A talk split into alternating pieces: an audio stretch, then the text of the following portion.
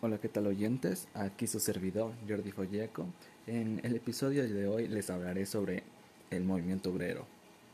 Este es un movimiento político en el que los trabajadores asalariados se unen permanente o temporalmente por motivos profesionales o políticos, pero siempre se basan en una naturaleza obrera. Es decir, son vendedores de trabajo. Uno llamado capitalista posee los medios de producción y también es el dueño de los bienes o productos producidos. Gracias por su atención.